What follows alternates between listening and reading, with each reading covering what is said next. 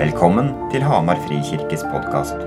Vår visjon er å følge Jesus, dele evangeliet, samle generasjonene og bygge nye fellesskap. Les mer om oss på hamarfrikirke.no. Her er talen fra søndagens gudstjeneste.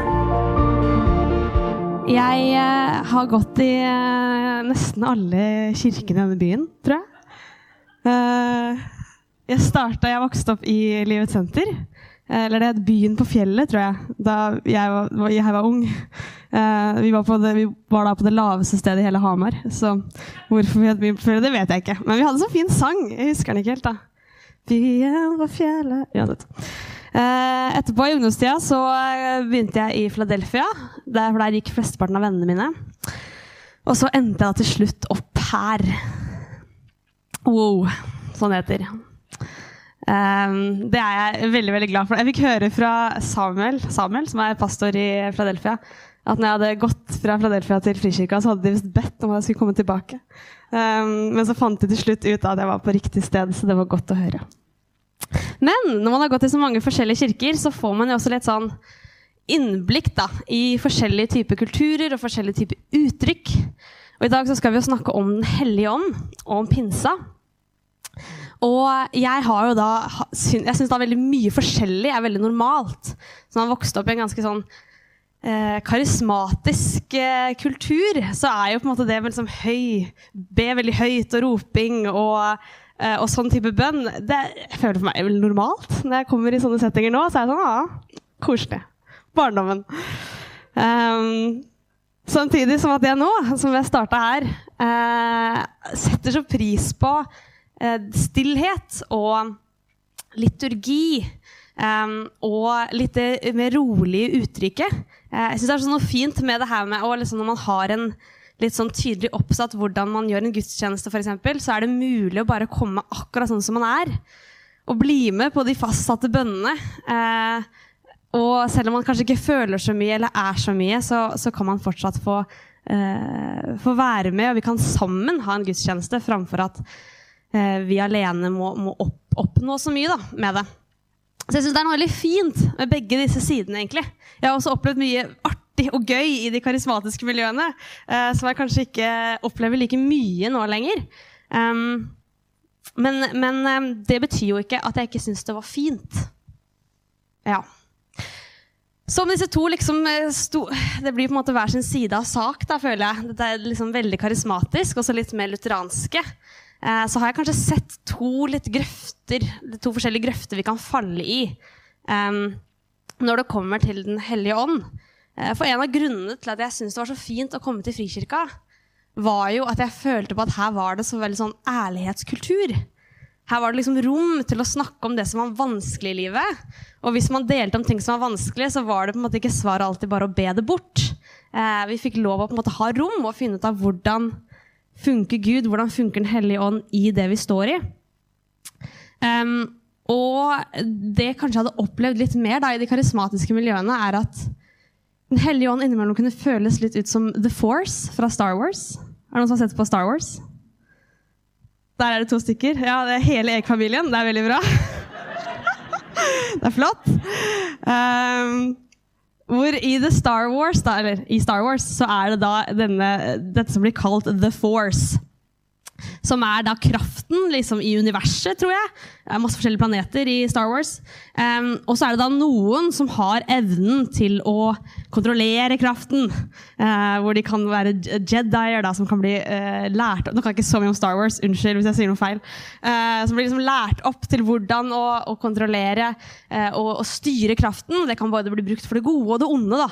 Um, og så er det da noen som på en måte er spesielt og naturlig gifted, begavet til å drive med The Force. The Force is strong with this one, sier de om Luke Skywalker.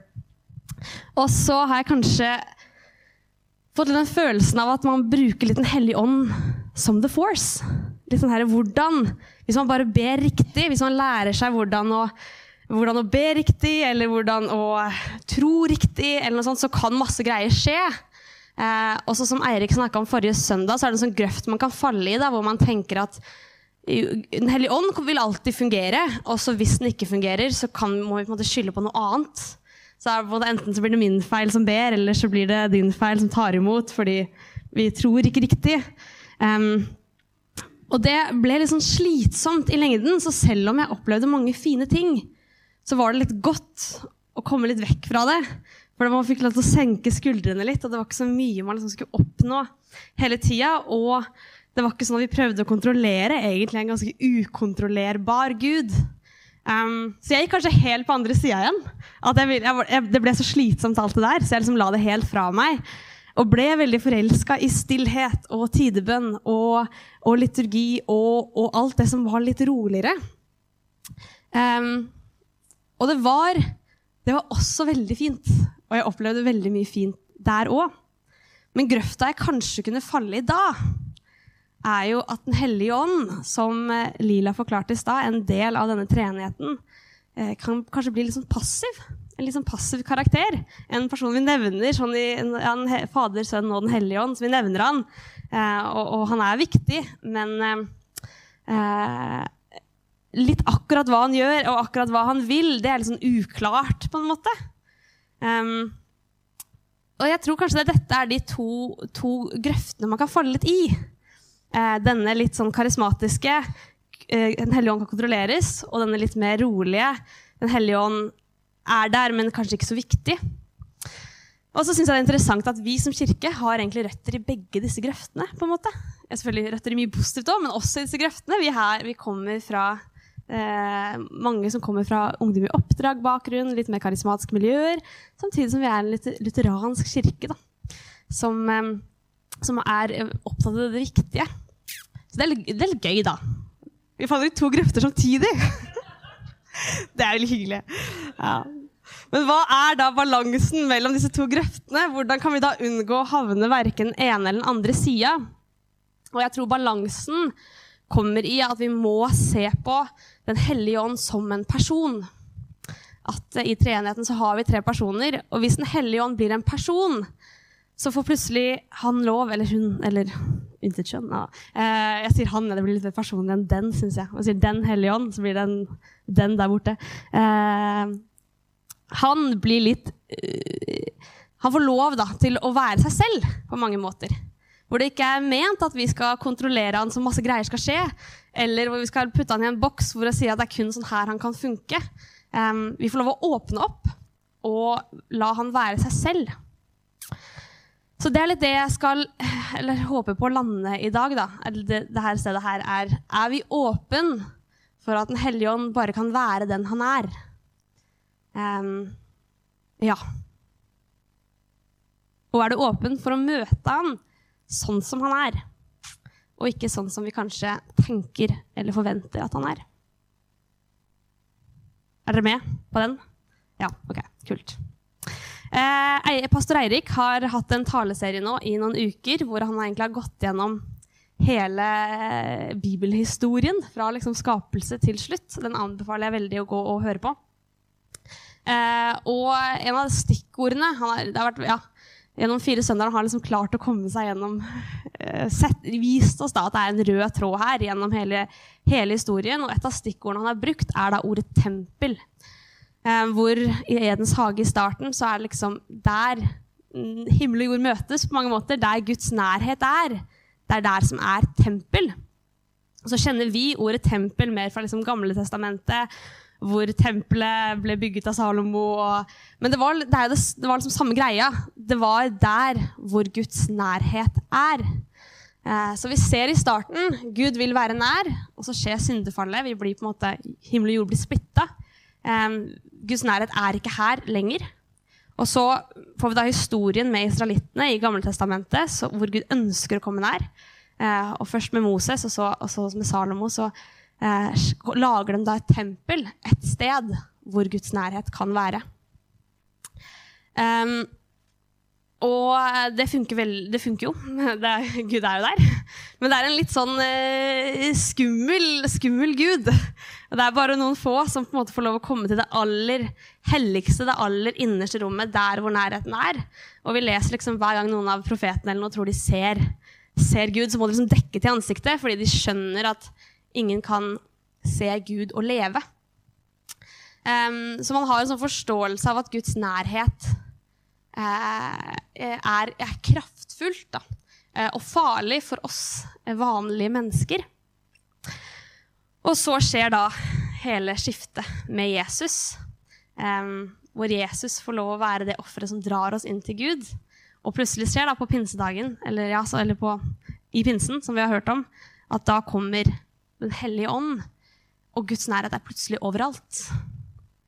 Og plutselig er vi Guds tempel, som det står i 1. Korinter eh, 3,16. Vet dere ikke at dere er Guds tempel? Som jeg tror hadde noen fra Gammeltestamentet fått høre det i dag. At vi liksom Vi er Guds tempel. Jeg tror de hadde tenkt at vi bare var Det er kjempeblasfemisk. At vi skal liksom, ja, det er jo Hele poenget er jo at Guds nærhet er nesten farlig for oss. Og så har vi nå kommet til det punktet at vi, Gud, altså Guds nærhet er i oss. Veldig spesielt, egentlig. Um, nå er det jo liksom egentlig ikke Det burde kanskje ikke vært så overraskende for, uh, for de i Gammeltestamentet at det skulle skje. Vi har jo noen, for eksempel da, i første Nei, i Joel 3 fra vers 1 så står det en gang skal det skje at jeg utøser min ånd over alle mennesker. Deres sønner og døtre skal tale profetord, de gamle blant dere skal ha drømmer, og de unge skal se syner. Så det var jo en plan her om at Den hellige ånd skulle komme, at, at den ånden skulle bli utøst. Så det er ikke sånn at Den hellige ånd dukka opp som en helt ny karakter i Det nye testamentet eh, og med Jesus. Det var en plan, men så hadde man kanskje ikke sett for seg at det skulle være så dramatisk. At Den hellige ånd skulle være i oss. Mm. Så da blir jo spørsmålet Hvem er Den hellige ånd? Eh, Lila hadde jo nå en liten forklaring om Prøvde å vise et litt bilde da, på hvordan eh, treenigheten kan være liksom, tre personer i én. Jeg er veldig glad i C.S. Lewis sin forklaring i Mere Christianity, eh, hvor han snakker om at Gud, altså treenigheten, er som nesten en ny dimensjon av vesen fra oss. Litt som at hvis vi hadde vært i en 2D-verden, todimensjonal verden, så hadde vi kjent visst om firkanter. Eh, og, og, hver firkant er hver sin firkant. Og så kunne noen prøve å forklare oss, da vet dere, at i en annen dimensjon så er det sånn at man kan putte firkanter sammen. Og så blir det én kube. Eh, og så ville vi sagt sånn ja, ja, men det er jo bare seks forskjellige firkanter. Det er jo seks firkanter som de bare putter sammen. Eh, og så, så, klarer man ikke helt å forstå eh, noe som er litt utenfor vår rekkevidde å forstå. Men for oss det her er jo én terning. sant? Én kube. Eh, vi ser det som en enhet fordi vi forstår de tre dimensjonene. Altså Da mener C.S. Lewis at, at Gud blir nesten som en litt sånn ny dimensjon for oss. For vi tenker at siden jeg, jeg er en person, Jon Arne er en annen person, da er det to forskjellige. Men der er det da tre personer som kommer sammen i et vesen. Veldig spesielt, altså. Vi tror på mye rart. Det gjør vi. Eh, I, i dagens tekst, um, Johannes 20, så er det Hvis man uh, ser på da Johannes 20 og vers 21 så får vi egentlig se alle tre altså Ordet treenighet står jo ikke i Bibelen. Det er jo noe vi, har, vi har funnet fram til ved å se at man snakker om tre forskjellige karakterer på en måte, som alle blir omtalt som Gud. Eh, så I vers 21 så står det igjen, sa Jesus til dem, fred være med dere. Som far har sendt meg, sender jeg dere. Så åndet han på dem og sa, ta imot Den hellige ånd. Så her har vi da Fred være med dere. Som far har sendt meg. Så da har vi både far og Jesus. Eh, og så gir han dem Den hellige ånd. Så bare der allerede har vi et eksempel på tre forskjellige eh, Altså at de blir omtalt som forskjellige. Samtidig så er jo Bibelen veldig tydelig på at Gud er én. Og Da blir det jo viktig å forstå hvem disse forskjellige karakterene er. Og jeg føler kanskje at Gud far er kanskje litt tydeligere for oss, og Jesus blir enda mer konkret for oss. Og så blir Den hellige ånd litt mer sånn vag. Litt mer uforståelig. Um, og Hvis vi leser litt tidligere i Johannes, Johannes Vi kan starte på Johannes 14. Johannes 14, vers 16 18. så står det Og jeg vil be Far, og han skal gi dere en, ta, en annen talsmann, som skal være hos dere for alltid. Sannhetens ånd, som verden ikke kan ta imot. For verden, ham, for verden ser ham ikke og kjenner ham ikke, men dere kjenner ham. For han blir hos dere og skal være i dere. Og litt senere, i Johannes 15, eh, vers 6, så står det Når talsmannen kommer, han som jeg skal sende dere fra far, sannhetens ånd, som går ut fra far, da skal han vitne om meg. Og enda litt senere, kapittel 16, vers 13, så står det Men når sannhetens ånd kommer, skal han veilede dere til hele sannheten. For han skal ikke tale ut fra seg selv, men si det han hører, og gjøre kjent for dere det som skal komme.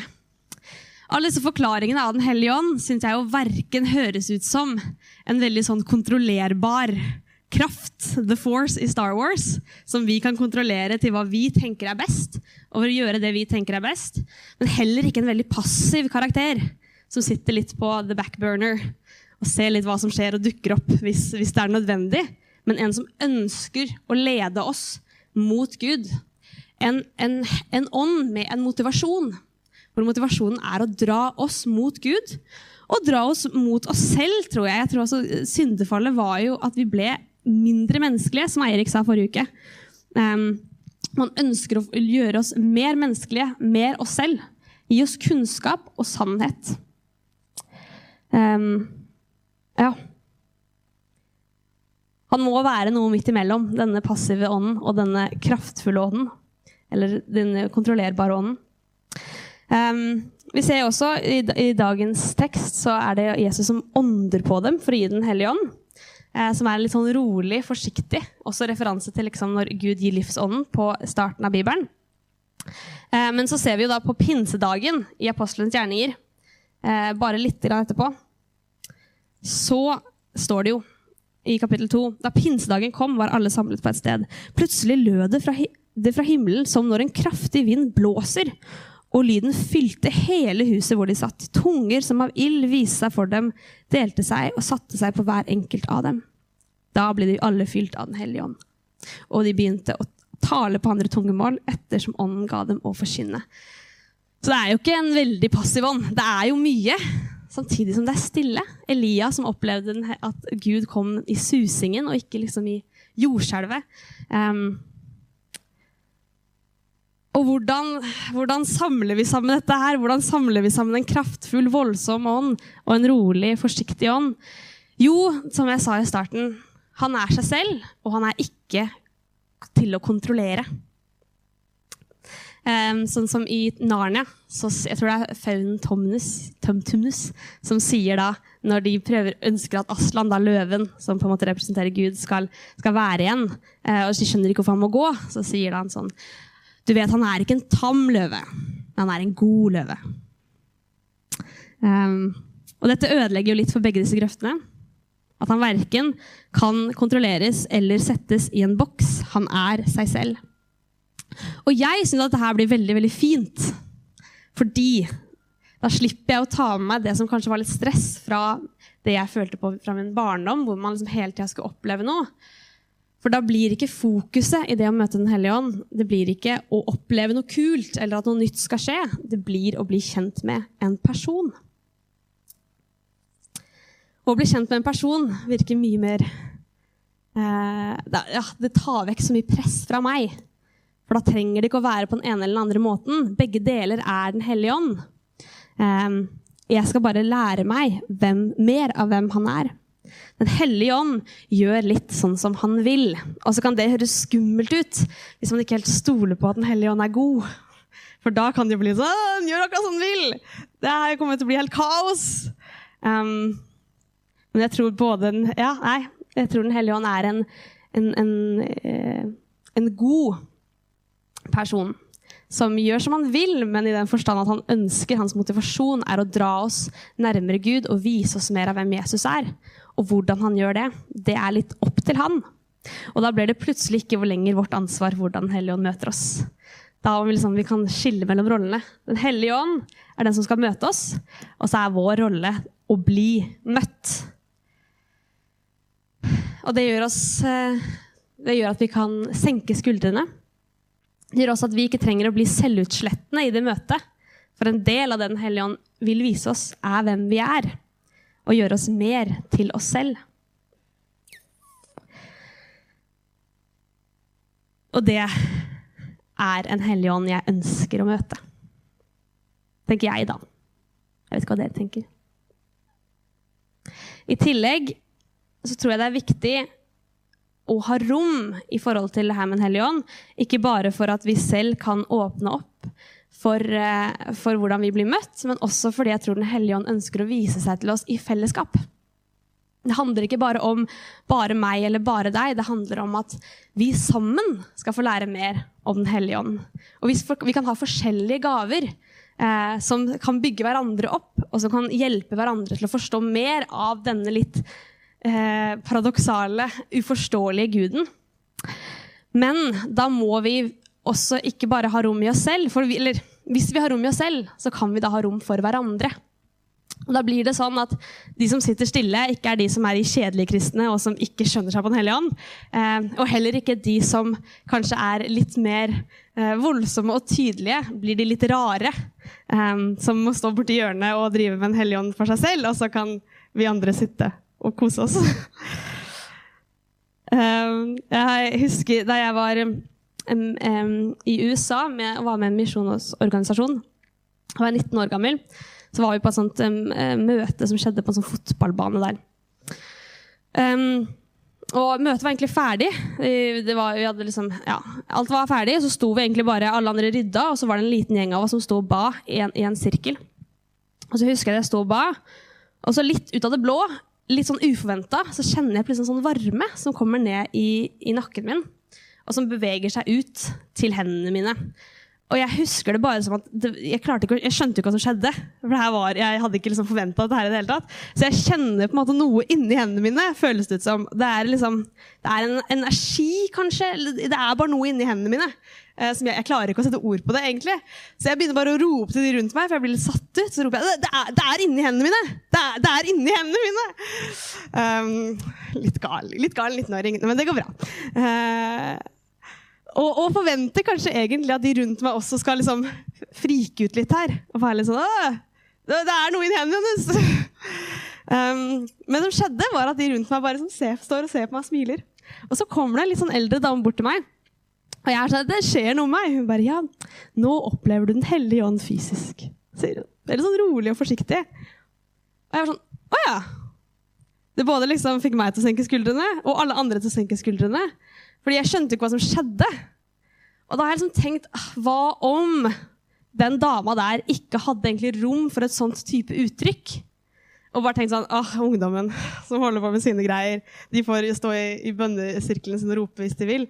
Um, men, men, hun bare kom bort og veldig forsiktig og rolig forklarte meg hva som skjedde. Som gjorde at jeg kunne bare nyte det å oppleve, for det var en veldig fin opplevelse. Eh, å få oppleve noe så fysisk.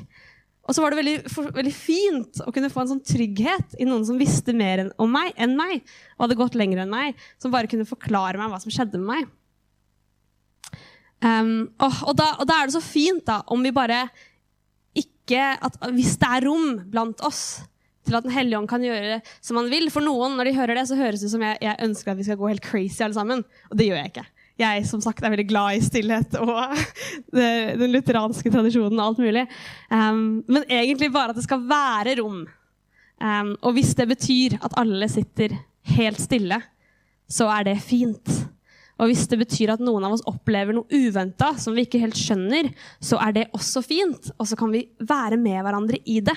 Vi lar ikke de rare sitte i hjørnet alene og prøve å finne ut disse greiene helt på egen hånd, for det kan være veldig forvirrende. Eh, og vi setter heller ikke press på at ting må se ut på en eller annen måte. Eh, og at, at, det er like verdifullt eh, å nyte det stille og det rolige og Den hellige ånd som en forsiktig susing. Sant? Og da, også, da, får vi også rom til at vi sammen kan liksom tolke litt hva som skjer. For det tror jeg også Bibelen er tydelig på, at vi er ment til å, tolke Den hellige ånd i fellesskap, sånn at noe kan skje, og så kan vi da sammen prøve å finne ut av ja, er dette fra Gud, eller er det ikke fra Gud. Eh, og, så, og, så, kan vi på en måte sammen vokse i en forståelse av hvem Den hellige ånd er. Ja. Så nå, Det er egentlig bare én ting jeg har hatt lyst til å si, og så har jeg brukt veldig lang tid på å si det. Og det er Kan vi bare åpne opp for at Den hellige ånd er den som er Den hellige ånd? Eh, det, er vår, det, er ikke vår, jobb å finne ut av hvordan han er, og hvem han er. Eller, det, eller ja, det, er vår, ja, det, er han som skal vise det til oss. Eh, det er ikke vår jobb å, å styre hvordan han møter. Eh, det er kun vår jobb å bli møtt.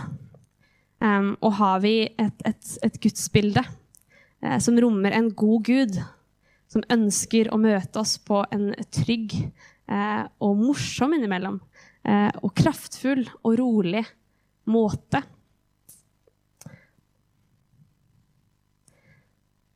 Ja. Stoler du på Den hellige ånd til å være Den hellige ånd? Mm. Jeg skal be litt nå til slutt, og så etterpå så skal vi bare sitte litt i stillhet før, eh, før Berit kommer opp. Um, og så vil jeg bare legge igjen den setningen. Stoler du på Den hellige ånd til å være den som møter? Og så kan vi bare bli møtt. Kjære, gode Hellige ånd du som ble livet Jesus ga oss, du som sa, eller Jesus som sa at det var bedre, det var bedre for oss at han dro, så at du kunne komme. Du som er det, den som som er vår nærhet til Gud. Du som har eh, nå i denne litt blasfemiske, dramatiske tilværelsen hvor vi får være så nære. Eh, vi ønsker at du skal være den som er Gud. Vi ønsker å lære deg bedre å kjenne. Vi ønsker å forstå deg mer. Jeg ber om at du må komme, at du må møte oss. Komme. Og du er her også. Interessant. Jeg eh, ber om at du må møte oss der vi er. Hver enkelt av oss, og også oss som fellesskap. Mm. Jeg ber om hjelp til å slippe kontrollen over, over eh, akkurat hvordan jeg vil at du skal være. Um, og ber om at jeg får lov å, å, å, bare være meg. Og stole på at du møter meg der jeg er. Og så ønsker jeg at det er du som bestemmer hvordan det ser ut, fordi du kjenner meg så utrolig mye bedre enn meg selv. Du kjenner oss alle så godt. Du vet hvordan du vil møte. Og vi ønsker å bli møtt av deg sånn som du er. Mm. Ja, Hellige Ånd, kom. you